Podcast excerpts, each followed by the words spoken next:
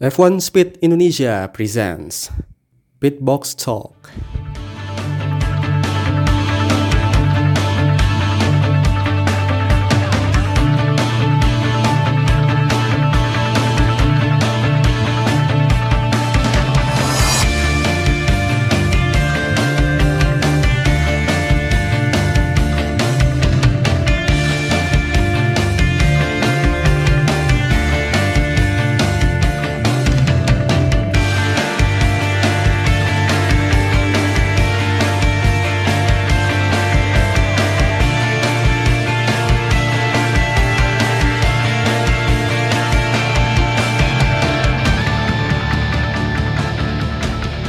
Halo dunia, selamat malam, pagi, siang, sore, balik lagi ke malam. Uh, kembali lagi ya di episode terbaru podcast Beatbox Talk Indonesia bersama F1 Speed ini. F1 Speed, ya gitulah. Uh, kali ini alhamdulillah bisa tim lagi setelah ya kadang-kadang Ditya masuk, kadang-kadang Azim masuk. Episode kemarin nggak ada mereka berdua sama sekali. Jadinya ya hari ini banyak yang dibahas. Kayaknya terlalu banyak yang dibahas ya. Yang pertama apa ya? Uh, pasti kita bakal nge-review soal Portimao untuk hari ya buat buat minggu ini. Mm-hmm. Terus juga kemarin ada uh, pemberitahuan bahwa fix di Green Race di tiga tiga Grand Prix. Terus yang baru-baru ini gimana baru baru aja dikasih tahu sama Ditya bahwa ada permasalahan hak siar untuk musim ini sampai tahu musim keberapa nanti kita bahas satu-satu saudara-saudara. Ya. Uh, gimana nih? Gue bingung mau ngebahas dari mana nih. Banyak banget soalnya.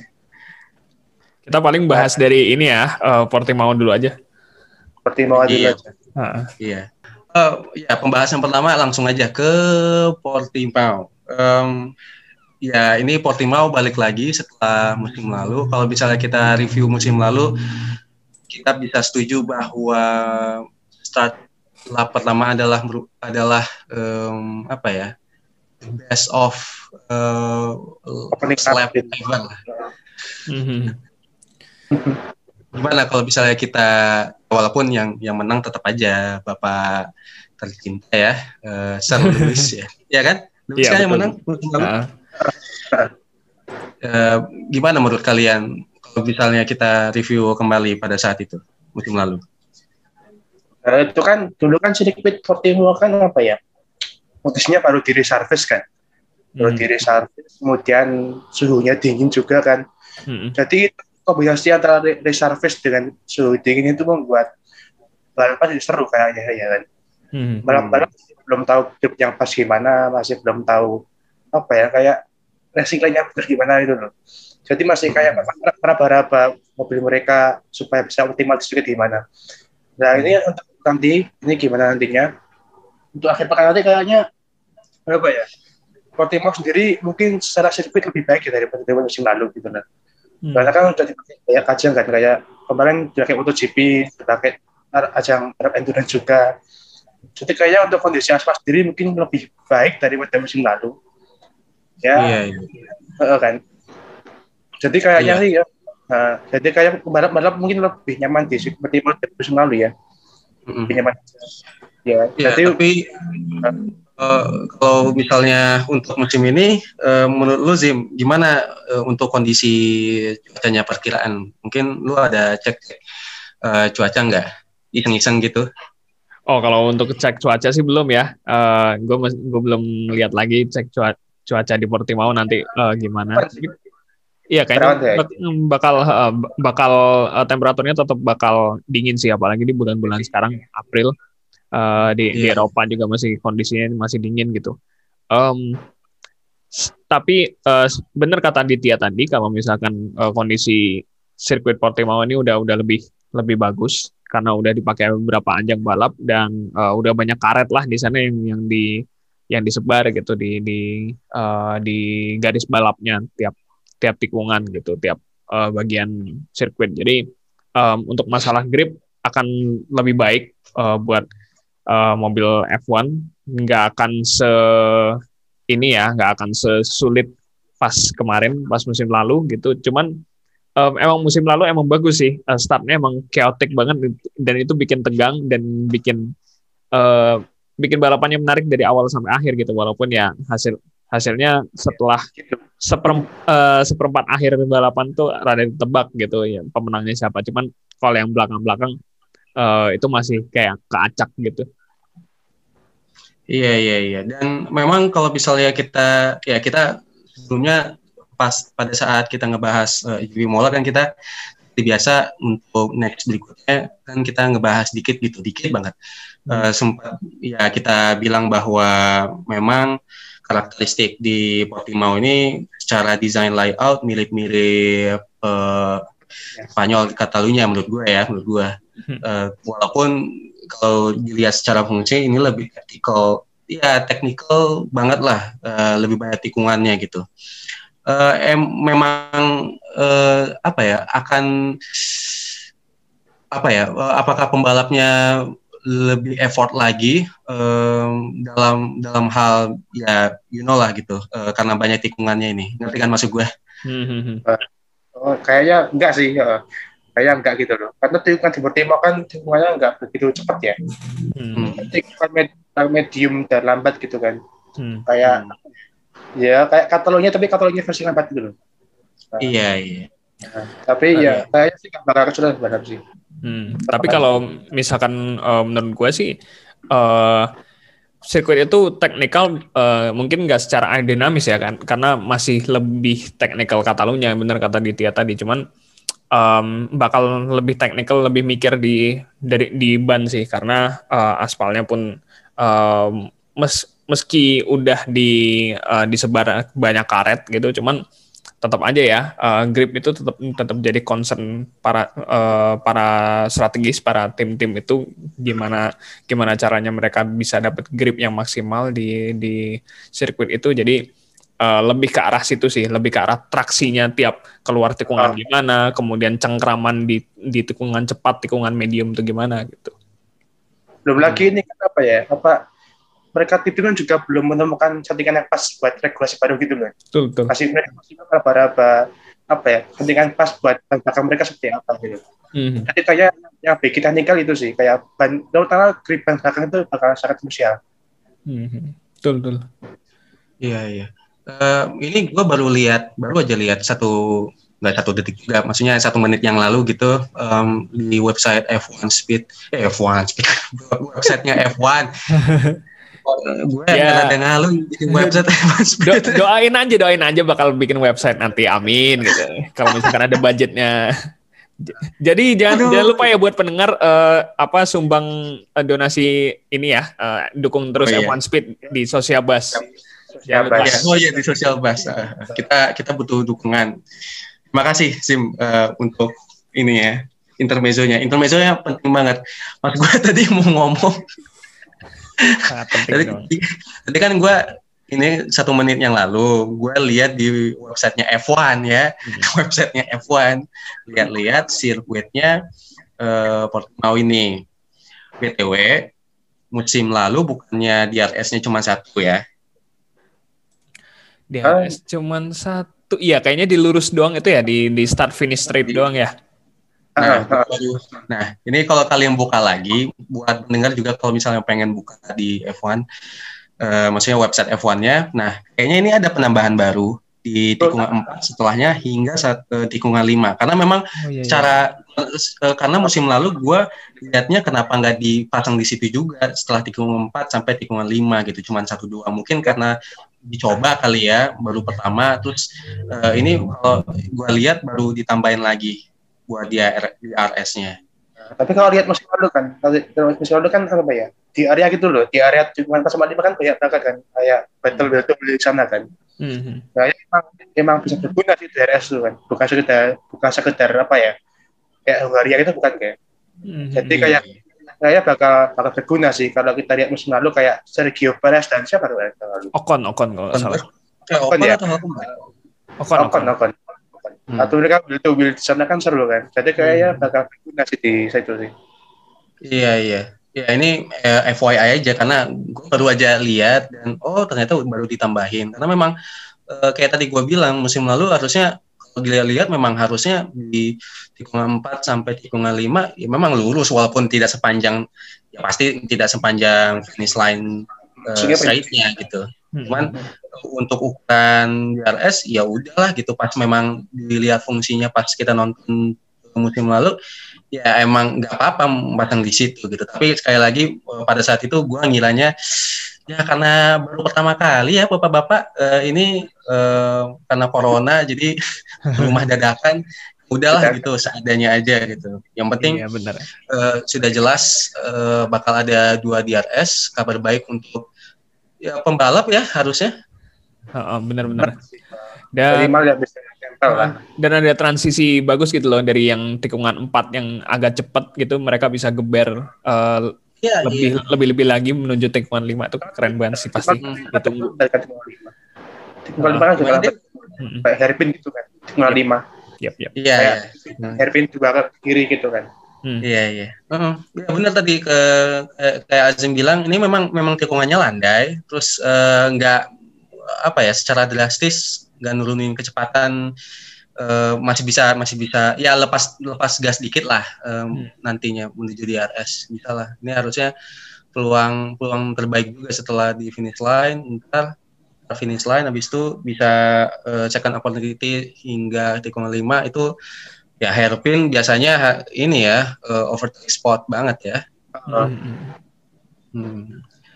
Dan um, ini kalau kita kembali ke persaingan antara Red Bull dan Mercedes gitu, apakah um, masih optimis Red Bull bisa apa ya, bisa lebih-lebih gimana gitu? Atau memang kayaknya gue feelingnya kayak um, di Bahrain Mercedes, terus di Imola uh, Red Bull, terus yang ini Mercedes lagi, apalah gitu kan? Hmm. Gimana pandangan kalian? Setelah lihat-lihat GP Imola kemarin kan apa ya? Kayak kayak sekarang lebih sedang ke Mercedes sayanya ya nah, setelah hmm. Imola karena lo gimana pun begini loh di Imola kemarin ya seandainya balapan itu kering seandainya hmm. Hamilton Hamilton enggak enggak apa ya enggak enggak ketembok gitu loh kayak lebar gitu kan Iya. doa itu tidak terkabul kan kayaknya Hamilton bisa naik Verstappen sih kayaknya oh, bisa yeah. karena memang uh. apa ya pace-nya pace-nya mereka itu emang nggak ada dipungkiri emang, emang cepet sih bisa bisa mengimbangi Red Bull sih walaupun hmm. emang beberapa kali Mercedes kan kayak ah, kita kita belakang kita kita nggak sebelum sebelum hmm. jadi kan yeah. nah, jadi kayaknya sih kalau feeling sih mungkin untuk untuk race mungkin Mercedes bisa bisa bisa kan sih kayak untuk race ya. Hmm. uh, Mercedes ya? Untuk uh, race ya tapi Iya, tapi sebelum kita ngebahas uh, Mercedes dan uh, Red Bull perlu di gua perlu ingetin lagi di soalnya kita kemarin waktu perayaan 10.000 ya you know lah siapa yang ngeluh soal uh, pembahasan Mercedes. Jadi sekarang enggak lah enggak kita iya. kita tetap, tetap melihat uh, dua persaingan ya sekarang lebih lebih ketat lagi. ya. Ya, uh, terus gimana juga, sih? Ini sih apa 50-50 banget uh, kalau soal persaingan gitu. Um, kalau memang dibilang pace-nya Hamilton bagus ya emang bagus banget gitu. Kalau pace-nya Red Bull juga bagus banget gitu. Sing, single lap pun um, menurut gue masih masih bagusan Mercedes kalau kalau mau kalau mau kalau mau adu kualifikasi ya. Terus misalnya kalau misalnya ya, misalnya sprint qualifying itu ada di Portimao, mungkin mungkin Mercedes yang bakal bakal menang gitu. Cuman um, kalau kalau misalkan uh, misalkan uh, long game kita main long game, sementara Portimao ini juga banyaknya medium speed dan uh, tikungan lambatnya cuman beberapa, cuman cuman tiga kalau nggak salah.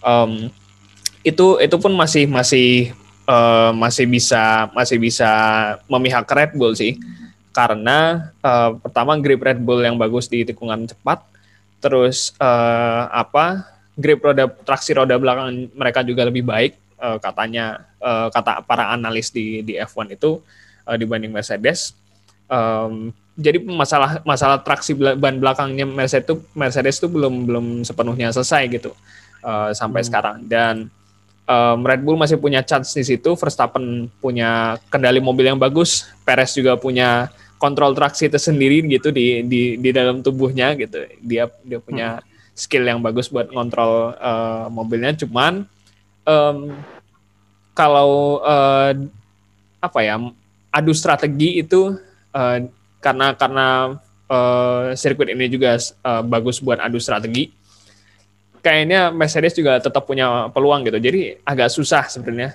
uh, 50-50 banget. Iya. Tapi kalau uh, gua mandangnya bahwa uh, melihat track lurusnya di Portugal ini justru ujian terberatnya atau ujian sesungguhnya ada di Red Bull karena ya kita tahu um, Red Bull benar-benar gila-gilaan soal mesinnya. Ujian pertama di Bahrain ya maksudnya cenderung cenderung speednya lah gitu. Apalagi di uh, finish line uh, straightnya memang panjang tapi ini lebih panjang lagi buat Portugal. Jadi kita harus melihat uh, ya kita jujur-jujuran aja lah. Maksudnya Mercedes masih masih masih diunggulkan hmm. uh, tapi Red Bull masih ngejar. Nah ini kita saatnya nih uh, ujian another test for Red Bull karena memang uh, start finish line-nya lebih panjang daripada Bahrain uh, Imola nggak terhitung karena memang uh, pada saat finish start finish lainnya tidak itu juga ya tidak panjang dan uh, cenderung berkelok. Ya ini ini kita lihat nih kalau misalnya Red Bull um, bisa menunjukkan power uh, untuk musim ini apalagi ya, untuk dan juga musim depan gitu. Bukan begitu Dit? Ya bisa bisa Tapi apa ya? Kalau, apa ya? Kita lihat di Imola gitu loh. Kan aku lihat di Imola kemarin kan apa ya? Kayak Mercedes ini kayak apa ya? Kayak mereka apa yang sudah dilakukan itu loh. What they have done gitu mobil mereka. Hmm. Padahal kita tahu sendiri di musim musim oh di musim kemarin kan kayak dia apa-apa gitu loh, kayak di nerf gitu loh. Ya? Iya benar. benar. di, di, di kan juga di kan juga kayak ini ini bener apa enggak gitu loh tapi habis di bola kayak mereka kayak di apa ya kayak mereka mereka dan something ke mobil mereka gitu loh. Kayak hmm. mereka ngubah sesuatu di mobil mereka jadi mereka apa ya kayak asli itu mobil di bola kayak mobil beda gitu hmm, benar benar benar. Kayak stabil banget sih kan stabil banget. Kayak lihat di pool up ya betulnya kayak apa ya mobilnya itu kayak stabil banget jadi ya kayak beda banget dibalik kayak beda banget gitu hmm. jadi kayak di Portimao ini menarik banget kalau uh, nanti nanti gimana nanti Mercedes gimana di Portimao gimana mereka bisa apa ya bisa ngimbalin Red Bull lah menarik banget nanti. Betul betul. Uh, perkembangannya Mercedes juga udah pesat banget pas di Imola emang bener bisa nyaingin sih nyaingin Red Bull. Iya. Yeah.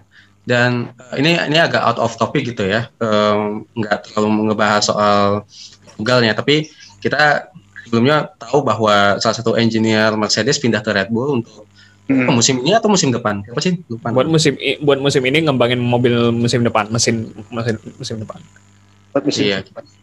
Menurut, menurut kalian apakah uh, jangka panjangnya uh, ya untuk jangka panjangnya akan akan berkembang uh, apalagi dengan sistem yang sistem 2022 yang uh, ya banyak berubah enggak banyak berubah di mesin tapi um, secara aero doang sih tapi untuk mesinnya ini untuk tahun depan apakah dengan kedatangannya apa ya mantan Mercedes ke Red Bull bisa bisa peng, ada pengembangan yang sangat signifikan?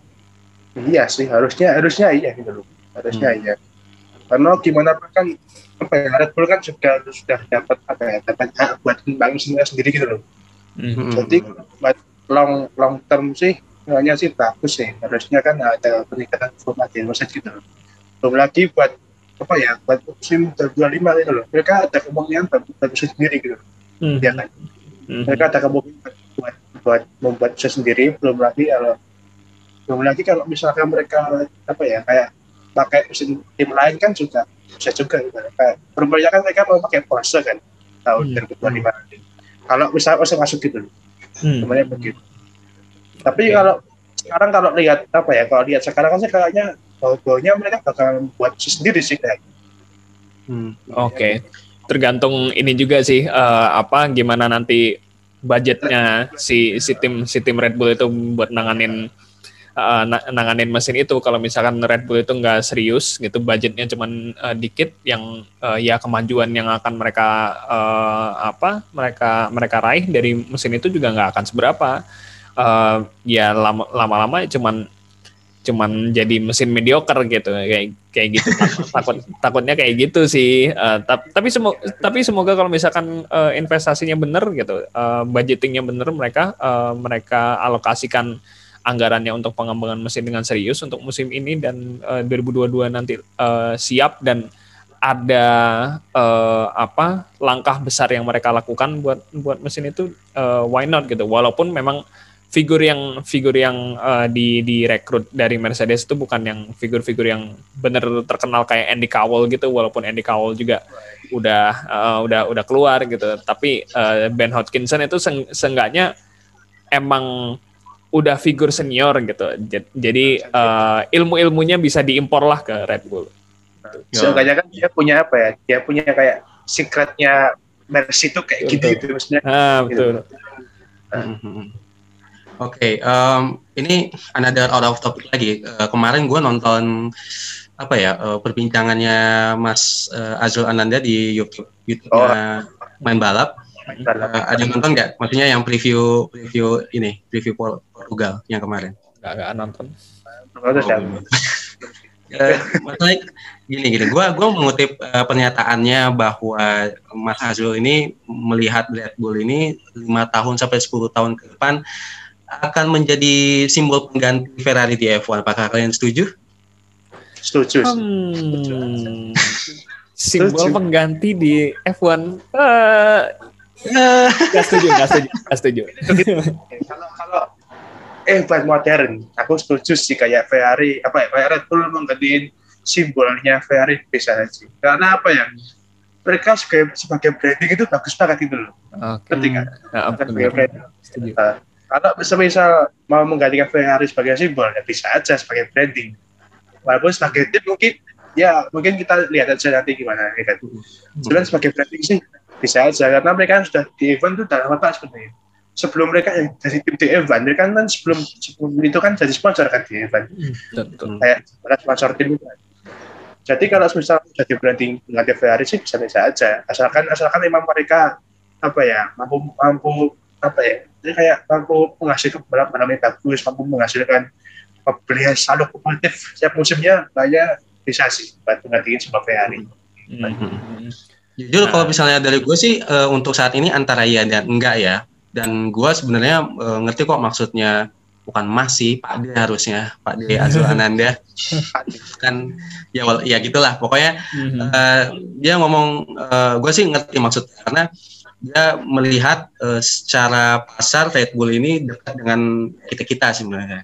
Maksudnya angkatan-angkatan uh, ya maksudnya angkatan-angkatan kita umur-umur sekarang milenial begitulah gitu. Walaupun sebenarnya gue dari tahun 2003 2004 udah fix gue fansnya Ferrari gitu, tapi dihubungkan dengan uh, Red Bull mungkin uh, setelahnya ya tahun 2000 setelahnya gitu uh, fans Red Bull gitu. Tapi Ferrari masih ini ya kuat auranya untuk untuk simbol F1. Jadi uh. um, menurut gue untuk mencapai itu mm, lebih tinggi dari, dari Ferrari enggak, tapi sama iya gitu. Dan okay. harusnya uh, Ferrari sampai tahun 2024 masih kejaga sih, uh, apalagi untuk musim ini ya melihat uh, perkembangannya kayak Imola kemarin harusnya bisa lebih-lebih lah. Ya nggak harus tiga besar lah, cuman senang aja lihat lima besar bisa gitu lah. Mm-hmm. Bisa apa kayak kemarin. Kalau Aceh gimana? Uh, kalau misalkan ganti jadi ikon F1 uh, eh, di F1 modern mau semodern apa pun kayaknya Ferrari tetap uh, tetap jadi uh, muka uh, F1 itu gimana Kar karena iya. gimana ya uh, sejarah ya, sejarah mereka yang kaya itu nggak bakal terpisahkan dari F1 gitu emang tim hmm. yang dari dari awal sampai sekarang uh, tetap okay. uh, tetap bergabung kecuali kecuali nanti misalkan uh, Ferrari uh, mau beneran keluar gitu tapi ya selama ini ancaman-ancaman doang gitu gertak sambel doang nggak nggak ada yang beneran uh, gitu mm-hmm. Ferrari gitu terus uh, tapi karena sejarah-sejarah itu nggak bisa dipisahkan dari uh, dari F1 itu sendiri uh, dengan gelar juara dunianya yang uh, banyak gitu. Banyak. Uh, konstruktornya berapa? 16 kali ya? Ter 17. 17, 17. Uh, sampai sampai terakhir 2008 itu kan. Um, Yuk, Bang. Iya, uh, terus 2008 soalnya di oh, konstruktor ya? Iya, Kira konstruktor. Sorry, sorry, sorry. Yeah. Konstruktor 16 kan berarti kan. Uh, nah, itu ya apa itu itu nggak bakal nggak bakal tergantikan gitu mau se sehebat Red uh, sehebat apa pun Red Bull uh, meraih gelar juara dunia nanti misalnya dengan Verstappen atau dengan pembalap lain atau uh, sedekat apa pun Red Bull dengan uh, dengan masyarakat luas gitu karena brand energy drink mereka tapi uh, warna merah Ferrari itu nggak akan tergantikan Iya, iya. Memang memang Ferrari selain sejarahnya karena memang uh, tim paling tua konsisten tahun 1950 sampai sekarang nggak pernah uh, keluar masuk keluar masuk. Uh-uh. Memang memang begitu sih uh, warna merahnya sangat uh, identitas sekali gitu Ferrari-nya. Iya, Kalau misalnya kayak nah, misalnya kayak si Azim bilang oh, misalnya mau ngancem keluar dan beneran keluar, ya tetap aja Ferrari tetap akan dikenang gitu. Kalau misalnya Ferrari ya, ya sedangkan Red Bull mungkin ya balik lagi kayak pernyataan uh, Mas Azrul bahwa lebih ya pasarnya itu gitu. Cuman secara universal um, aura Ferrari-nya sangat-sangat kuat gitu. Ya itu aja sih untuk ya off topiknya. Oke, okay, btw uh, sekali lagi uh, kita mau informasiin lagi bahwa nah, ya minggu ini di Portimao Portugal uh, kalau gua boleh bacain detailnya ini pertama kali tahun 2020 karena itu pun karena mendadak pandemi jadi ya sirkuit dadakan. Untuk labnya putarannya sekitar 66 dengan panjang 4 km, 6 sekian. Um, lap rekor terakhir tentu saja dipegang oleh uh, bapak kita tercinta Lewis Hamilton dengan karena waktu 1 menit 18,7 sekian detik. Uh, diksi coy, gimana? Langsung prediksi. Oke. Okay. Oke. Okay. Oke. Okay. Agak susah sih ini kalau Jadi kalau kualifikasi itu langsung berapa? Kualifikasi berapa? Dua-duanya. Um, balapan aja langsung balapan aja lah. Balapan aja. Uh, balapan kayaknya jadi susah sih balapan. Hmm.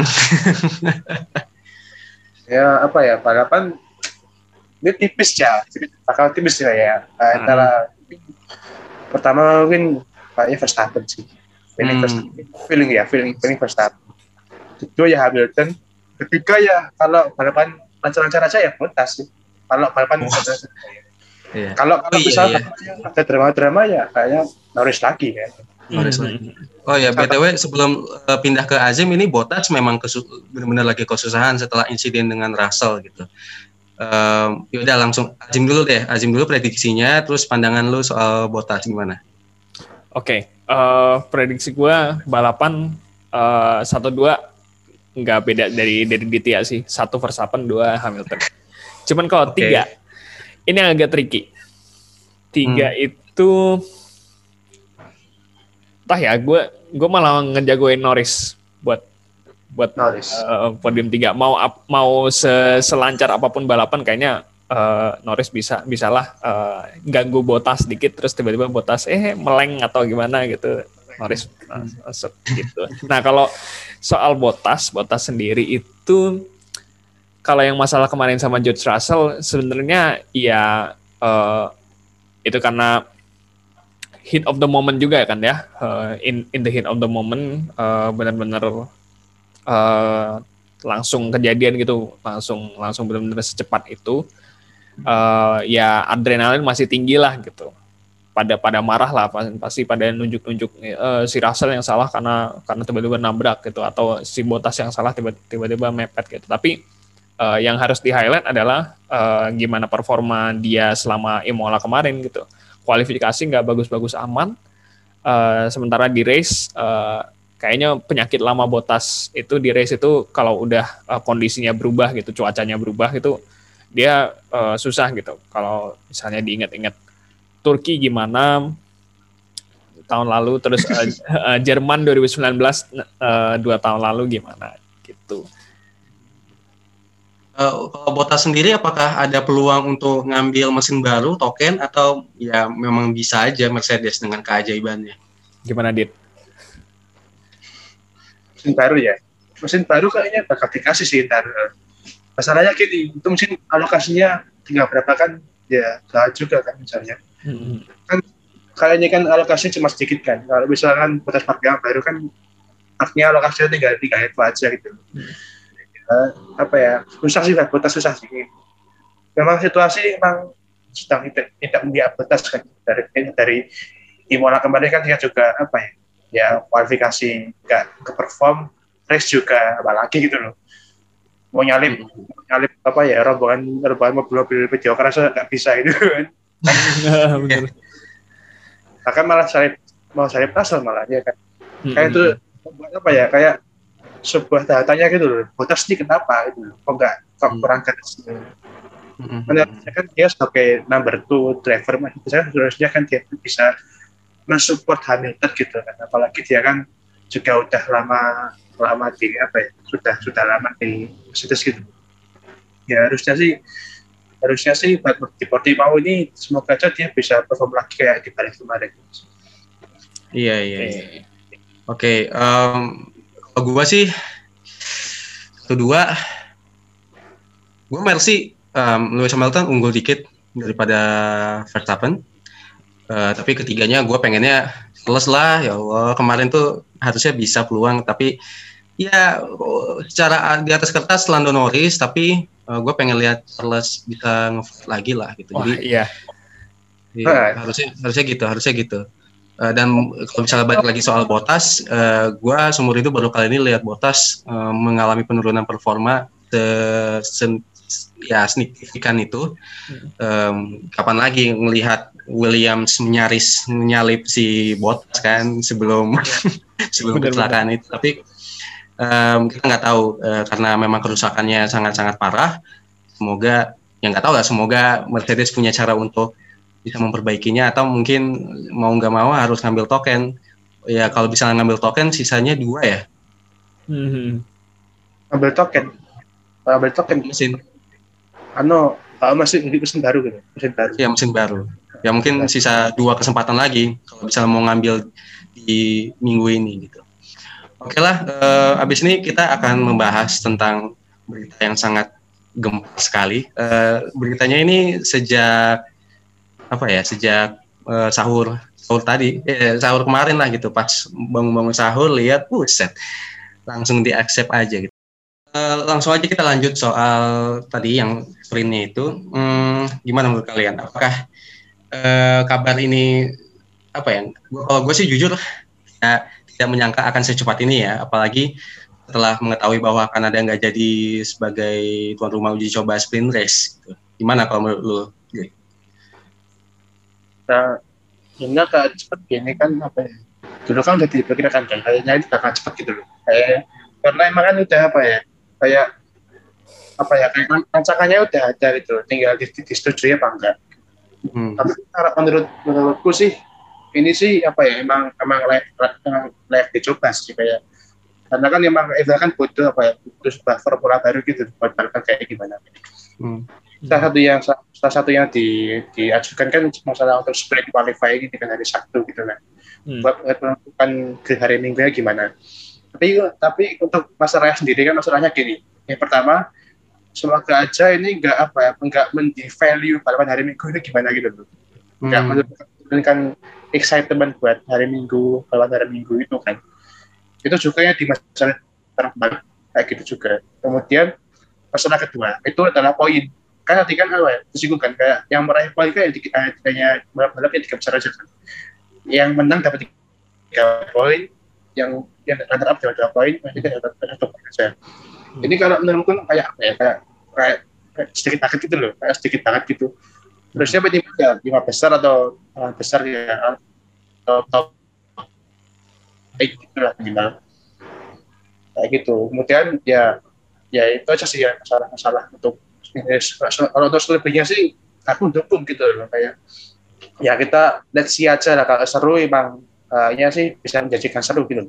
Mm -hmm semoga saya seru semoga saya balap-balap apa ya kayak masih bernafsu buat menang apa atau penyalip-penyalip itu masih bernafsu gitu kita kan yang yang takutin kan apa ya balap-balap pas hari Sabtu pas di sprint kualifikasi itu kayak ya udahlah besok kan bisa dapat lagi gitu loh. Dan dia mereka nggak ada nafsu buat balapan atau hmm.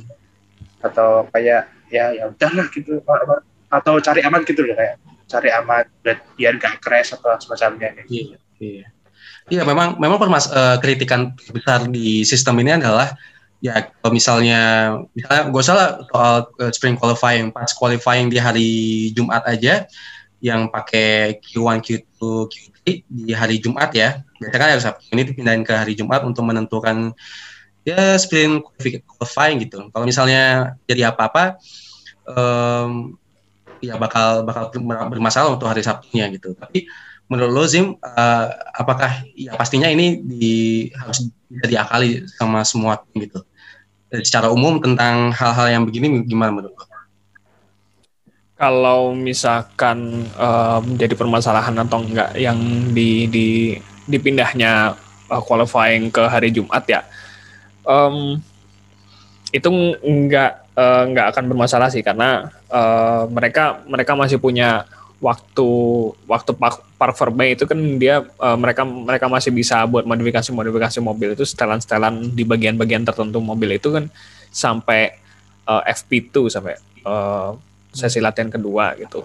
Um, jadi mungkin uh, semisal mereka nggak uh, nggak punya posisi start yang bagus gitu di, di untuk sprint qualifying gara-gara kualifikasi hari Jumatnya mereka uh, kurang dapat setelan mobilnya mereka mereka masih bisa uh, ini mereka masih bisa perbaiki itu di free practice kedua gitu uh, permasalahan-permasalahan itu, itu aja sih cuman um, apakah uh, apakah itu uh, akan mengubah uh, mengubah uh, atraksi di di balapan hari Minggu? Kurang tahu juga ya karena uh, ini bar, uh, format yang baru. Kalau misalkan tidak ada perubahan uh, dari ini kalau misalkan ada yang udah uh, udah dapat informasinya gimana terkait uh, balapan di hari Minggunya gimana kalau misalkan ada sprint qualifying itu uh, apakah ada reverse grid atau ada uh, ada peraturan sedikit soal park verbe-nya atau nggak uh, boleh modifikasi apa gitu uh, ya kalau misalkan tidak tidak ada perubahan misalnya dari sprint qualifying ke race di hari Minggu ya hasilnya akan ya akan kurang lebih sama aja gitu dengan dengan hmm. ini dengan dengan hari uh, dengan balapan hari Sabtu gitu. Cuman kalau yang balapan hari Sabtu kan bisa ini uh, apa ada ke, ada keleluasaan gitu kan uh, dari kompon ban dan uh, strateginya gitu karena uh, dia nggak main long game dia dia lebih singkat gitu. Iya bener banget. Um, iya gue juga mau ngomong soal betapa uniknya pemberitaan ini karena sampai sekarang gue juga cukup kaget uh, tidak ada info lanjut soal setelah uh, hari Sabtu kualifikasinya apakah uh, apa namanya reverse grid atau tidak gitu karena hmm. dari awal isu ini mencuat banyak e, menduga bah, menduga kuat bahwa reverse gate akan dilakukan di hari Minggu gitu. Tapi kalau menurut gua sendiri hari Minggu kayaknya reverse gate reverse grid e, ya reverse gate ada gitu karena ya percuma aja. Hari Sabtu ngepain ini ngapain dibikin apa ya apa namanya ya, race qualifying tapi kalau misalnya hasilnya pun misalnya hmm, Hamilton lagi atau Verstappen lagi ya gitu-gitu juga hari hari Minggu mending. Ya gue usah lah bikin gue usah bikin kayak gini gitu. Ya udah normal aja. Q1 Q3 Q2 Q3 gitu lah. Kualifikasi biasa aja. Emang okay. ada ada alasannya sih sebenarnya itu itu emang buat baru coba-coba tapi ya ini memang sebagai proving ground aja ya sebagai uh, training aja gitu enaknya uh, iya. uh, dapat data nih dapat data dari uh, uh, tiga race itu gitu uh, kira-kira perlu dilanjutin nggak kalau misalkan uh, ternyata hasilnya nggak memuaskan ya udah gitu kita hmm. kayak baik lagi nah, format biasa. Kalau hmm. misalnya apa ya kayak format ini gagal gitu loh, kayak apa ya kayak tanya aja gitu loh, kayak FIA ini bakal ngapain kalau gagal gitu loh. Hmm. Karena karena emang mereka memang berusaha sejak tahun 2019 kan nyari formulasi baru ke balapan itu untuk gimana gitu.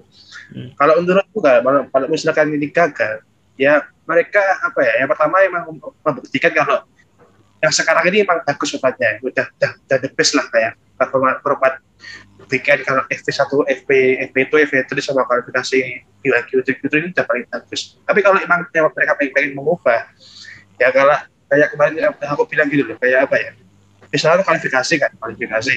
Q1 Q2 biasa. Kemudian di sesi Q3 itu bisa diganti gitu loh. Hmm. bisa diganti kayak Super Bowl top 10 shoot out one one one apa ya? Kayak one shoot per yeah, gitu one shot one shot. Bisa kan ya aja kayak jadi mungkin yang perlu diotak atik sedikit kayak gitu. Kalau misalkan misalkan formatnya gagal tapi masalahnya gini. Karena ini kan format sprint kualifikasi kan dibuat bukan cuma untuk menambah excitement fans kan. Itu sempat dibuat bukan ada alasan ekonomi juga di balik itu kan. Betul, betul. supaya promotor bisa nambah, nambah bisa bayar uang lebih ke event gitu. Supaya event bisa nambah masukan. Jadi intinya gitu sih. Jadi menarik menarik aja kalau misalkan format sprint kualifikasi ini gagal nanti gimana gimana artinya gimana gitu setuju setuju oke okay. ini dari yang ini dikat ya kalau gue di kamar gue berarti gue lagi ngecas um, kalau misalnya kita lanjut lagi, oh ya, ini kita apa keenakan soal clean race gitu. Ini harusnya perlu diketahui sama para pendengar yang baru-baru join di F1 gitu. Nah, ada perubahan. E, rencananya ada di tiga seri GP. Untuk yang pertama Silverstone, terus yang kedua di Monza, tapi belum diketahui untuk GP ketiganya. Tapi um, kemungkinan besar katanya di Interlagos, bukan gitu kan? Interlagos atau kota. Austin. Uh, ya itu. Hmm, pokoknya uh, seri-seri di luar Eropa. Gitu. Nah, um, secara format ini uh, hari Jumat uh, Sabtu sama Minggu. Di hari Jumatnya itu 60 menit uh, free practice pertama. Terus uh, langsung lanjut di normal kualifikasi pakai format Q1, Q2, Q3 untuk menentukan uh, race qualifying-nya Nah besoknya di hari Sabtu pagi-pagi itu satu jam latihan bebas kedua, terus ke selanjutnya nanti 100 km sprint qualifying yang eh, hasil gridnya itu berdasarkan pada kualifikasi normal di hari Jumat. Nah eh, sepanjang 103 103 100 km atau dalam kata lain eh, hampir sama kayak Formula 2 sekitar 20 atau 30 tergantung lu apa panjang lintasannya ya baru nanti hari minggunya benar-benar full race biasa. Full dalam arti labnya full uh, dan ya benar-benar balapan biasa di hari minggu. Nah ini nih yang ya yang paling unik adalah komentar-komentar para netizen seluruh dunia. Apakah nggak um, tahu ya gue gue secara pribadi nggak habis pikir sama orang-orang yang di ini di di komen gitu ya formula formula satu sedang berusaha untuk mencari formula yang untuk biar bisa seru tapi eh, yang ada malah eh, banyak pertentangan gitu. Lu pada lihat gak komen-komennya? Oh nggak nggak lihat sih. Gas gas tapi mungkin Ali Ali mungkin lihat saja bisa sampaikan kayak apa komentarnya. Oh iya. Gue pikir lu pada lihat komentarnya. Ya itulah uh, maksudnya uh, sebelumnya gue pengen ngomong bahwa um, ya kadang-kadang uh, kita hampir kita semua gitu menuntut perubahan-perubahan tapi uh, setelah dilakukan perubahan mendadak jadi konservatif balik lagi konservatif. Dan di komentar itu kebanyakan kayak ya kayak inilah uh, kok masa mau menjadi formula 2 kayak memformula dua kan gitu. Terus uh, ya terus terus kayak menghilangkan ciri khas F1 dan lain sebagainya lah gitu. Dan ya gimana ya susah juga gitu. Gue sampai David Coulthard aja kayak nggak kayak sama juga kayak nggak habis pikir. Nggak langsung bilang nggak habis pikir cuma unik juga ya komentar di sini. Uh, mudah-mudahan uh, memberikan dampak yang positif aja lah kayak gitu lah. Kayak sarkasnya buset David Coulthard loh. Itu kayak orang-orang yang nolak IS lah kayak kemarin gitu. Loh kayak gitu oh. kan iya. IS katanya nggak di apa ya klien di sini kayak gimana? Iya, iya iya iya. Tapi ya iya, gimana ya untuk menanggapi komentar-komentar begitu uh, kalau misalkan memfor, memformula dua kan F1 gitu yang sebenarnya pertama itu nggak nggak ada salahnya. F, F2 memang kalau kalau ditonton emang emang lebih seru gitu. Uh, kedua kalau misalkan mau, ini ini baru mencoba format sih gitu. Kalau misalkan memang lebih iya. seru lebih, lebih baik dari format sebelumnya ya why not? Kenapa kita nggak mengadopsi perubahan itu? Ke terus mm -hmm. uh, ketiga, ketiga uh, kita apa ya ya walaupun kita mungkin ada fans yang fans yang udah lama gitu jangan jangan takutlah sama sama perubahan-perubahan gitu. Ya mungkin knockout qualifying uh, uh, pas dulu itu jelek lah ya pas 2015 itu. Um, terus kalau uh, mungkin mesin fisik yang sekarang fisik hybrid mungkin masih ada yang nggak suka gitu. Tapi ya uh, kenyataannya uh, apa secara secara teknologi memang lebih advance gitu. Uh, walaupun uh, emang pers personally gue gue lebih lebih prefer mesin V10 zaman dulu gitu. Ya ya ya. ya. Uh, emang per, emang perubahan bagus gitu. Uh, we we should embrace it kayak gitu yeah. aja. Iya, yeah, gue juga kayak bingung sendiri gitu melihat uh, komen-komennya kayak uh, lu minta uh, sebuah tuntutan perubahan biar bisa seru lagi, tapi udah udah dikasih perubahan yang ya seenggaknya kita coba aja dulu. Ini baru hmm, betul, tiga ya Allah. Tiga dari 23 balapan. Maksudnya santai aja lah gitu gitu. Dan Um, giliran-giliran dikasih perubahan itu langsung netizennya langsung mendadak konservatif kok kok merubah gitu. Jadi ajaib ajaib ajaib. Ya kita tunggu aja lah gitu gimana format ini akan ber, berjalan gitu. Itu aja. Iya Ya, jadi uh, kesimpulannya adalah bagi penonton kita semua kita nggak bisa memaksa eh, ini ini memaksa kita untuk uh, nonton F1 sejak hari Jumat. Karena biasanya kalau hari Jumat uh, FP1, FP2, FP3 ya udah kita uh, kayak inilah kayak sunnah lah sunnah gitu. Ditinggalin nggak jadi masalah.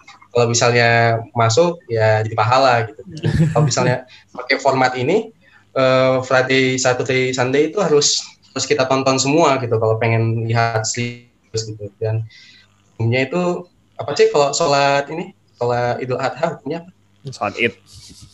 Sholat Id. Sholat Id. Sholat Id. Enggak, sholat Id hukumnya apa sih? Mendekati wajib gitulah. Nah, ini kayak gitu tuh untuk format sekarang. Nah, ya, sunnah muakat. Jadi bagi kalian kalau misalnya melihat format ini kalian nggak bisa meninggalin satu sesi pun sejak hari Jumat sampai hari Minggu. Karena ini sunnah muakat, enggaknya benar benar loh benar. nonton udah udah ada hukumnya sekarang. Loh, bener kan bener lu lihat ya, aja bener, tuh hari Jumat aja langsung normal qualifying oke okay lah gitu kalau misal lu ninggalin uh, latihan bebas pertama yang 60 menit. Tapi lu nggak bisa kan habis hmm. Jumatan habis Jumatan santai dulu lah masih latihan gitu ini nggak bisa habis Jumatan langsung ih nonton kualifikasi dulu cuy gitu kan ya benar itu nggak muakat. Jadi ya kita bertiga menyepakati bahwa untuk sistem ini kalian harus nonton karena hukumnya sudah muakat. Ada-ada aja emang nih si host. BTW eh, tambahan lagi dari gue, kalau misalnya ini gagal, maksudnya dalam arti ya tidak tidak memberikan keseruan yang kita harapkan, um, Formula E unik sih kalau diterapin di F1. Gimana menurut lo? yang terapin apa teknologinya apa formatnya formatnya format kualifikasinya kayak uh, dibagi grup jadi beberapa uh. grup habis itu ya semi-semi one qualifying shot gitu lah khususnya di uh, Super Bowl misalnya di FA kalau misalnya terapin di uh, F1 bayangan kalian akan sama aja atau mungkin ada perbedaan? Uh, takutnya kan kayak kayak efek itu kan apa ya? Kayak kayak kalau dikasih formula itu apa ya? Kayak terlalu dibuat-buat dramanya gitu loh bener ah. grup kualifikasi gitu loh. Nah. maksudnya gini kalau kalau kalau mau lanjut kan ya langsung aja semua lanjut semua aja pasti mm -hmm. juga kan. Kayak grupnya diasak juga dulu itu. Jadi kayak kalau misal cocok di event kayaknya kalau kalau full one shot kayaknya enggak ya. Hmm.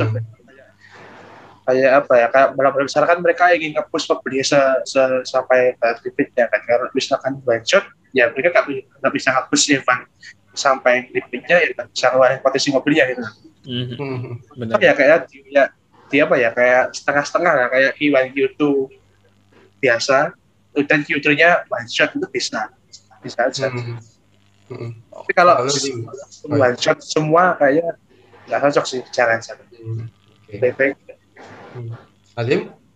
Wah kalau misalkan di uh, diadopsi sistemnya kualifikasinya Formula E sih ya nggak enak juga sih uh, apa kalau dipikir-pikir kayak ya ya itu enggak pertama nggak bisa ngeluarin potensi mobilnya secara maksimal kedua uh, apa bannya F1 kan beda dengan bannya Formula E gitu. Uh, yeah.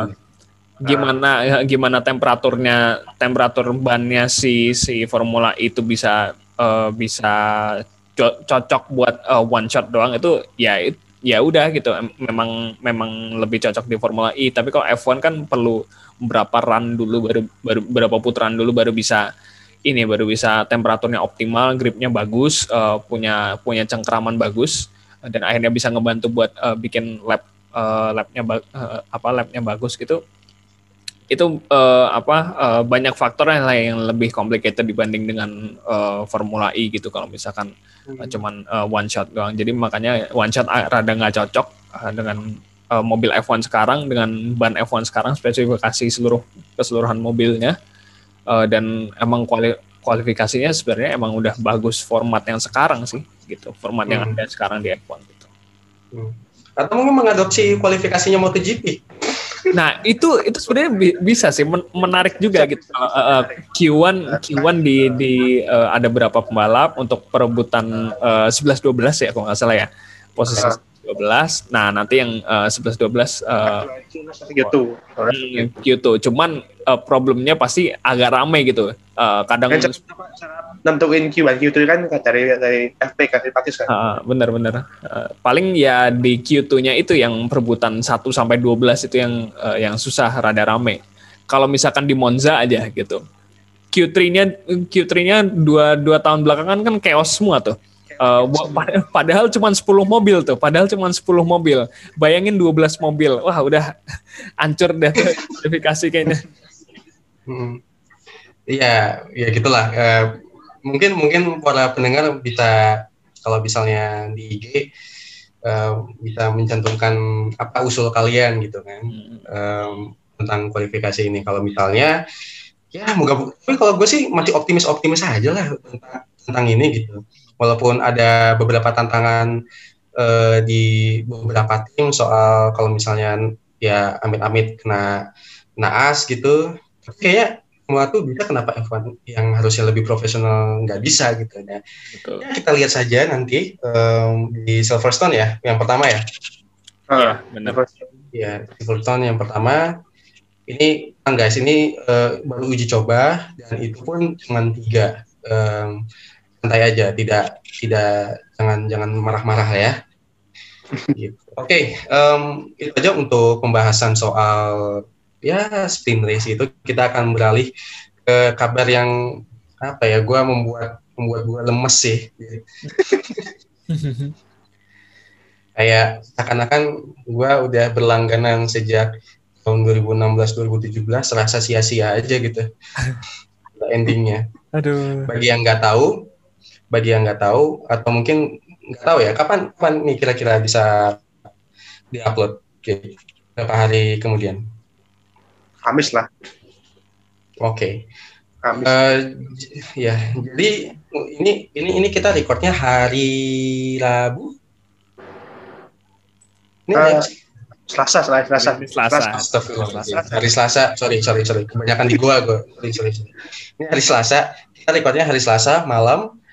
Um, kita baru dapat dari Sibitia, uh, mungkin di Twitter udah di-upload juga soal berita ini bahwa uh, Fox Sport kemungkinan bulan Oktober ya bulan Oktober akan diambil alih oleh Disney Plus bukan begitu ya?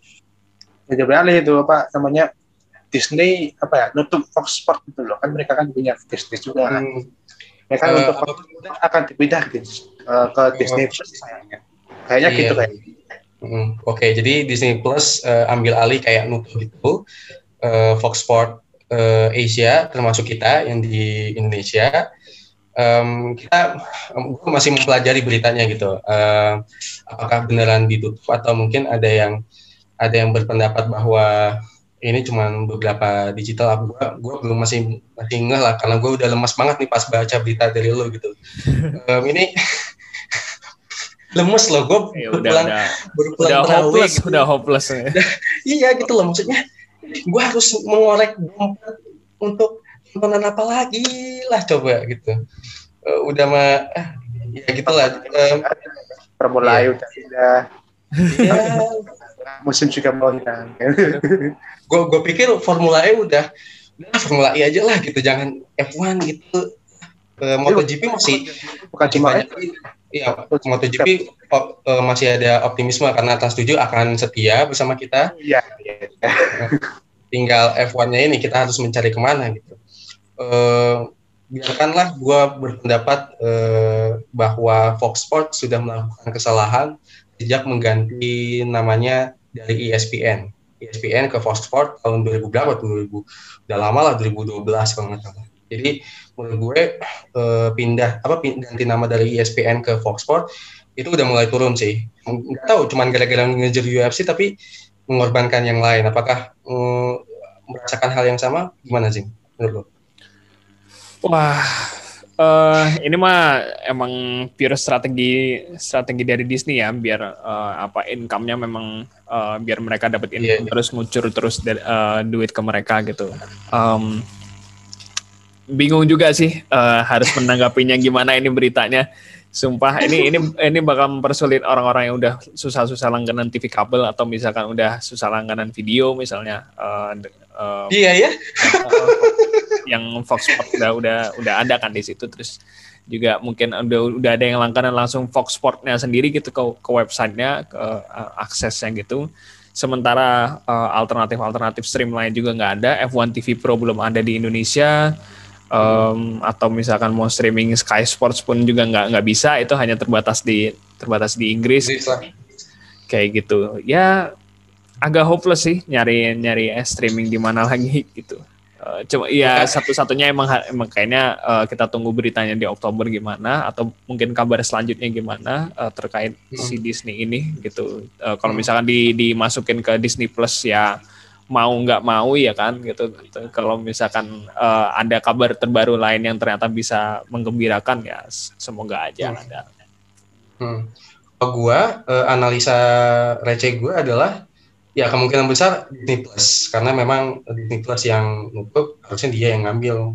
Ya ya bego banget ya kayak atau antara bego atau psikopat kalau misalnya cuman cuman nutup doang tapi nggak ngambil kan? Hmm, ya, Terus, uh, secara secara ya secara nalar mungkin Disney Plus.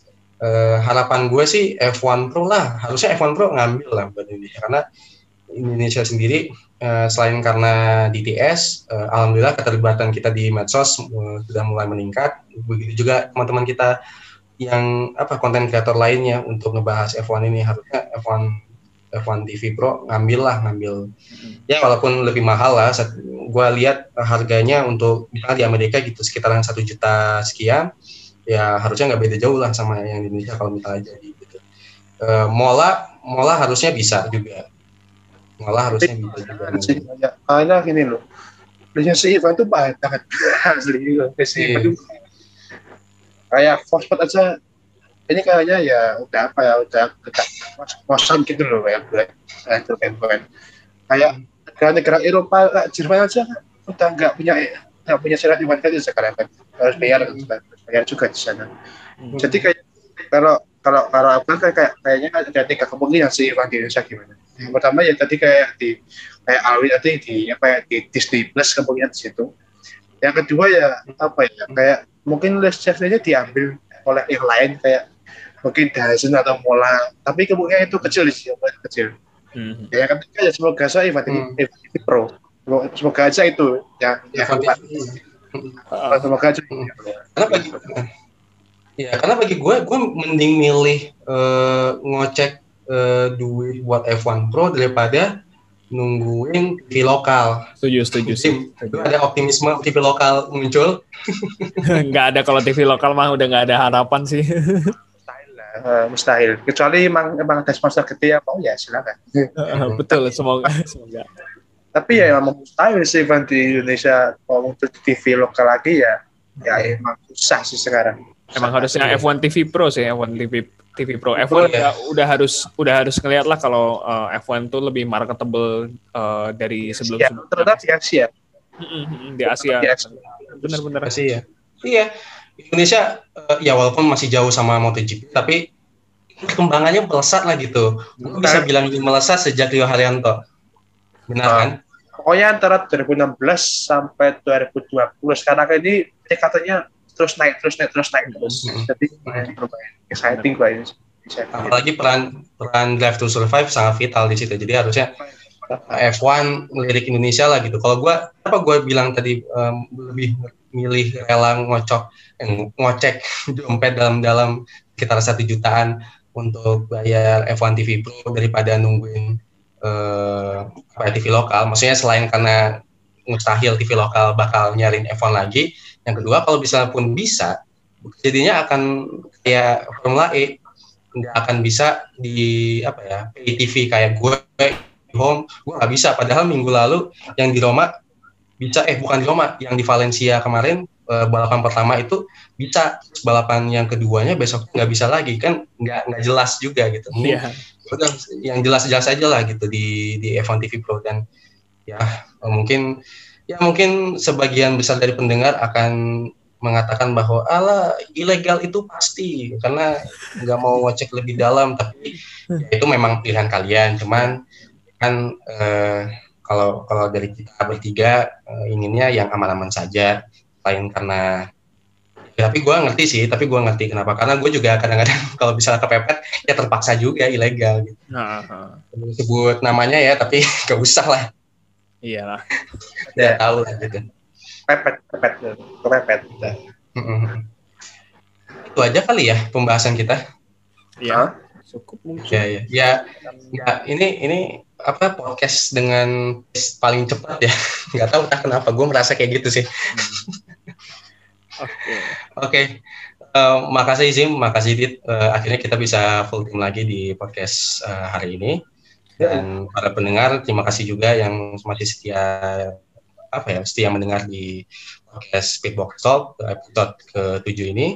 Jangan lupa sekali lagi untuk follow kita di medsos, Instagram, TikTok maupun Twitter di @f1speed Indonesia.